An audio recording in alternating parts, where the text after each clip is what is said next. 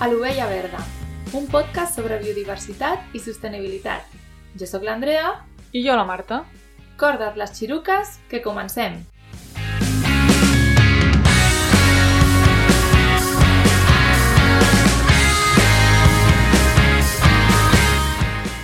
Què pensaries si un dia de tardor vas a buscar bolets al Pirineu i de sobte sents això?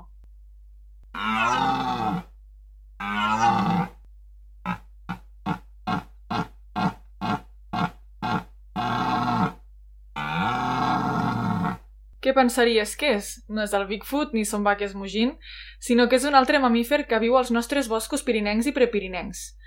Això que acabem d'escoltar és la brama dels cèrvols, un so gutural que fan els mascles de cèrvol durant l'època de zel. I és que, de fet, això és, és tot un espectacle. Fins i tot és un atractiu turístic. Nosaltres, de fet, hem anat alguna vegada en busca de la brama dels cèrvols.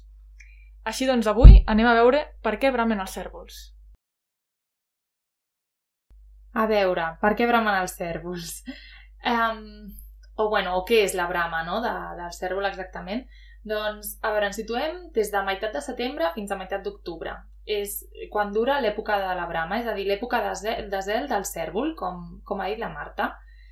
Què vol dir això? Els mascles emeten uns sons guturals molt potents. D'aquí lo de bramar, sobretot durant la sortida i la posta de sol. Després s'amaguen durant perquè fa molta calor, eh, no estan tan actius, és quan estan més actius a la sortida i a la posta de sol. També rasquen i orinen sobre el terra per marcar el territori. I llueixen les seves banyes per impressionar les femelles i per demostrar la seva força. I a, a vegades eh, es poden veure dos mascles, poden, poden, o sigui, poden entrexocar les seves banyes, bueno, es poden veure o no, però els mascles entrexocaran les seves banyes, però no és com per fer mal, eh, sinó per demostrar la seva força. O sigui, de fet, segurament un mascle es retiri o els dos es retirin abans que eh, un pugui patir mal. I així, amb només demostrar la seva força, doncs ja eh, tenim un guanyador. I poden reunir harems de fins a 50 femelles. És a dir, un mascle pot reunir harems de fins a, de fins a 50 femelles durant aquesta època només, perquè ja veurem que després es distribueixen de, de manera diferent. I les femelles normalment esperen a veure quin és el més fort. Seleccionen el que més els agrada, eh, ja que evidentment volen transmetre els millors gens a la seva descendència. I després de la còpula, les femelles donaran a llum a una cria 8 mesos després, al mes de maig que mamarà durant 4 mesos i estarà amb ella fins al següent part.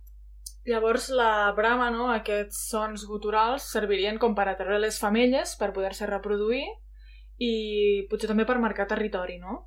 Sí, sí, exacte, les dues coses. O sigui, volen fer-se com amos i senyores d'un territori amb, amb, i amb les seves amb les femelles, no? amb certes, un, un número considerable de, de femelles. Llavors és per les, per les dues coses.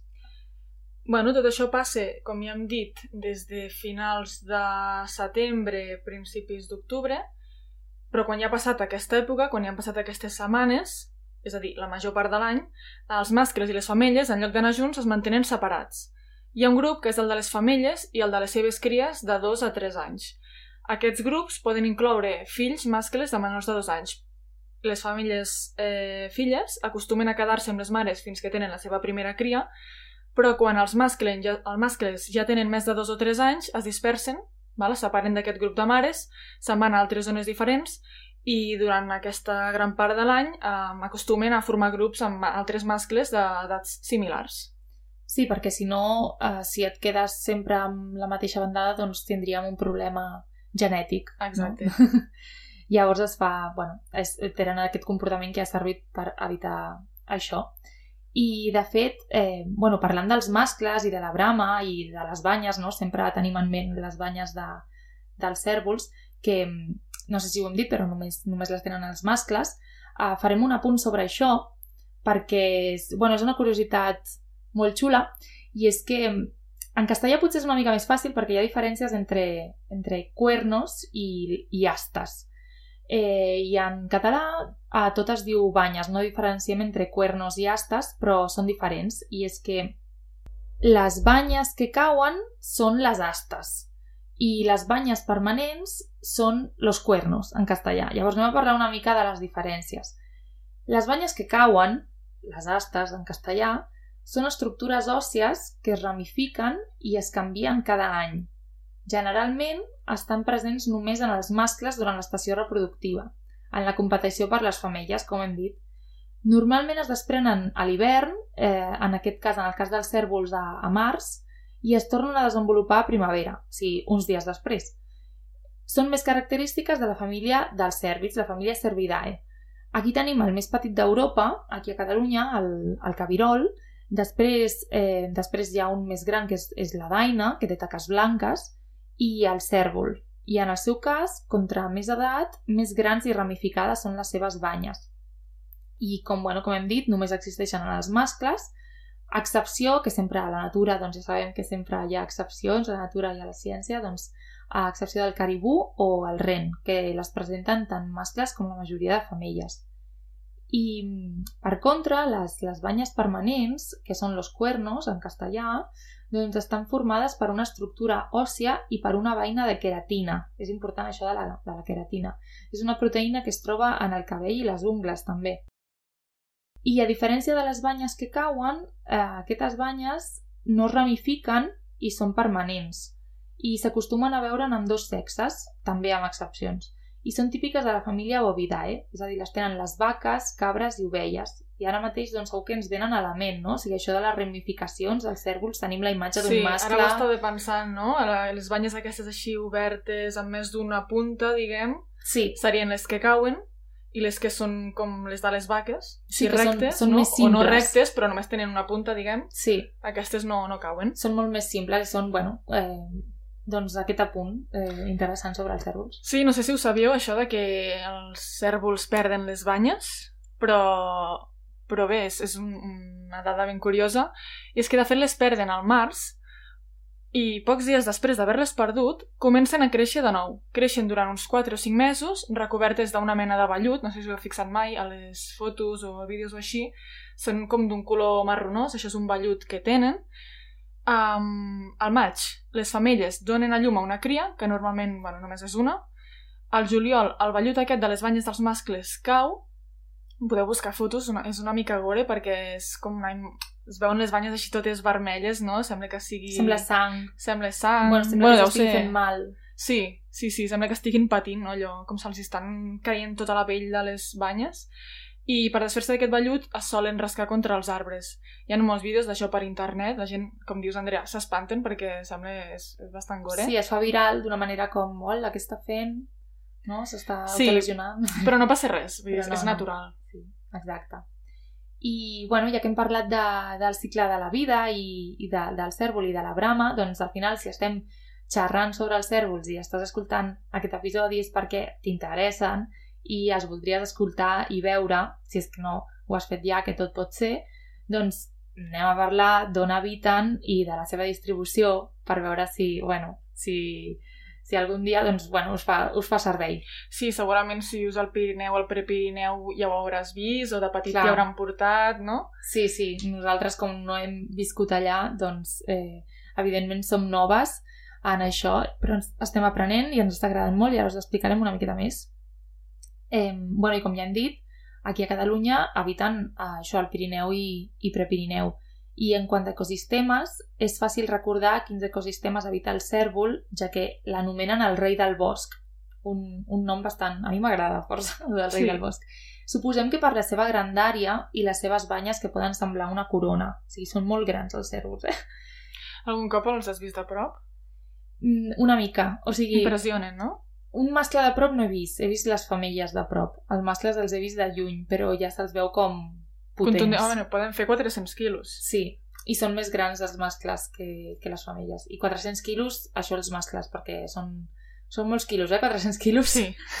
Sí, deu ser com una moto gran. Allò, una moto d'aquestes Harley... Però la moto no? ja quedaria baixeta, sí, sí. El cèrvol és més gran. I, bueno, habiten boscos caducifolis, mediterranis mi i mixtes, amb prats amplis on pasturar. Això és important, per, sobretot per la brama. No se'ls troba a zones de muntanyes sense arbres, ja que no caminen bé sobre roques sense vegetació, no, no els hi agrada. i mengen espècies herbàcies i arbustives. Pot menjar fruits com aglans, castanyes, mores, i durant la brama, de fet, eh, sempre, doncs, o sigui, si el veus bramar serà en una clariana, o sigui, en una clariana on no hi hagi... Bueno, a veure, sem... poden bramar enmig del bosc, però quan se'ls veu bé, jo crec que acostumen a... Clar, també els interessa ser vistos, Sí. no?, per les famílies. I és més fàcil si estan en una clariana. Sí, llavors els interessa això com un mixta entre boscos i, un... i prats. I, bueno, hem vist una mica també la, in- quines interaccions tenen dins de la seva pròpia espècie, no?, durant la brama, que intenten atreure les femelles, intenten marcar, marcar territori, però també hi ha interaccions amb altres espècies. Uh, de manera molt, molt- puntual se sap que el llop pot depredar sobre el cèrvol en algunes zones, sobretot si falta cabirol o porcs senglars. No creiem que a Catalunya sigui el cas, sobretot perquè, a veure, la població de llops a Catalunya és molt petita i quasi testimonial, no? Mm. Um, també s'ha vist que l'os bru i la liga daurada Sí, sí, em sembla que és l'àguila daurada. Sí, sí, l'àguila daurada, això. uh, també podrien depredar-lo, però aquí a Catalunya no sabem si passa. A veure, depredar-lo no, depredar, no depredaran, evidentment, un, un tros d'animal de 400 quilos, sinó que aniran com a, a pels petits, no? Clar, les cries o... Sí. Sí, algun petit, no que sé, pot estar malalt, també. Sí, a veure, això ja us podeu imaginar que és important, no? És important que els grans herbívors tinguin depredadors naturals perquè, a veure, si aquesta població no té uns depredadors naturals, pot arribar a expandir-se moltíssim, de manera que fins i tot podrien esgotar els seus propis recursos, malmetre la flora i microhàbitats on, on habitin altres uh, petites espècies. Pot suposar fins i tot també, que això s'està estudiant bastant, ara, bueno, mm, recentment, o des de fa ja molt de temps que s'estudien moltíssim les, les zoonosis, no? les patologies. Poden passar patologies a, anim a animals eh, remugants domèstics, però també a humans, com per exemple la tuberculosi, que és una malaltia que els cèrvols poden patir i també els humans podem patir. No? Llavors, per això seria super interessant, estaria superbé que hi hagués un gran depredador que regulés les poblacions. Sí, i de fet necessitem doncs, estudis per saber si això està passant, si no, si, si està en expansió el cèrvol o, o què.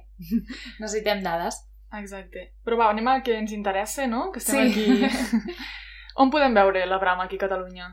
Doncs, a veure, eh, la podem veure en diversos llocs eh, de, dels Pirineus, com són el Parc Natural de l'Alt Pirineu, eh, la Vall d'Aran també, Nosaltres hem anat a Boumort. sí, a la reserva de Boumort, que bueno, està mm, al Pallars Jussà, i ho hem gaudit molt. I, bueno, jo recordo que el primer any que vaig anar um, vaig arribar tard, tard a la brama, després no ja, el següent ja no bramàvem, però després el següent que vam anar juntes, la Marta i jo, sí que els vam poder escoltar superbé i, i aquest any tornem per veure si per veure si a part de sentir-los també els veiem, perquè no, no els vam poder veure l'any passat, però ara que tenim una mica més d'experiència i que a més um, per poder moure'ns bé per la zona doncs contractarem una empresa amb 4x4 i que té, et dona et deixa per mirar bueno, els telescopis, els visors, els, els cata, que se li diuen, no? Um, per poder, per poder veure'ls i a més et porta un guia, no? I llavors eh, serà molt interessant. De fet, quan escolteu aquest episodi ja l'haurem ja l'haurem Ja vist. haurem anat. Ara estem fent les planificacions, bueno, la setmana que ve, de fet, ja anem. Sí, Però quan aquest episodi es publiqui ja hi haurem anat. sí, llavors ens podeu preguntar, quan escolteu, quan ho escolteu ens podeu preguntar com ens ha anat per les xarxes socials. Eh, bueno, i si no ho explicarem encara que no sí, ens segur que pregunteu. ho expliquem. I bueno, hi ha altres zones també eh, de Catalunya on es pot veure que Sí, com- nosaltres no, no hem anat, Per però... exemple, el Berguedà, no? El Parc Natural del Cadí-Moixeró, a la Cerdanya Francesa, també a la Serra de Catlllaràs. Sí, que això és encara província de Barcelona, però sí. Llavors, uh, tenim alguns consells per, per donar sempre a la gent que vol anar a veure la brama, que és molt important uh, mantenir la distància i intentar no, eh, no anar a, a buscar el cèrvol, a buscar la foto o a... Bueno, tocar-lo seria com impossible, però és que és fins i tot perillós, no? Sí, perquè, clar, penseu que estan en, en un estat de zel, d'una alteració bastant important, no? I Sí. si t'apropes pot arribar a ser un animal perillós. I coneixem gent que ha hagut de marxar corrents. Vull Sí, dir, sí, sí.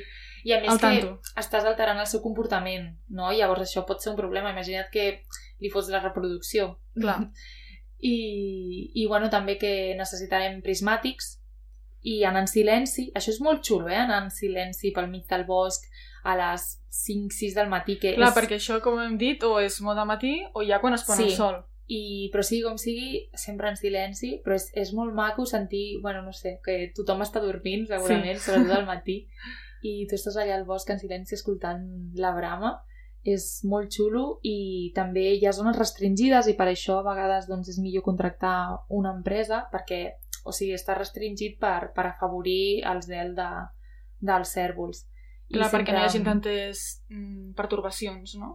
Sí, i bueno, també sempre és millor si no coneixem la zona, perquè potser la gent dels Pirineus doncs, coneix molt bé la zona, però si no som d'allà, doncs és millor contractar una persona que et porti amb un vehicle adequat i, i mira, i que sàpiga de bones pràctiques. I això és el que farem aquest any. Sí, sobretot fer això si és la primera vegada que hi vas. Nosaltres no és la primera vegada, però, Però aquest any ens ens ve de gust, sí. Sí, sí, sí. Ens ve de gust fer-ho així. Ens hem coordinat d'aquesta manera. Així que, bueno, com diu l'Andrea, anirem publicant a les nostres xarxes socials com ha anat la bramada aquest any a la reserva de Montmort. Us podreu seguir per allí. I ens acomiadem aquí. Ens escoltem al següent episodi. I fins la següent. Adeu!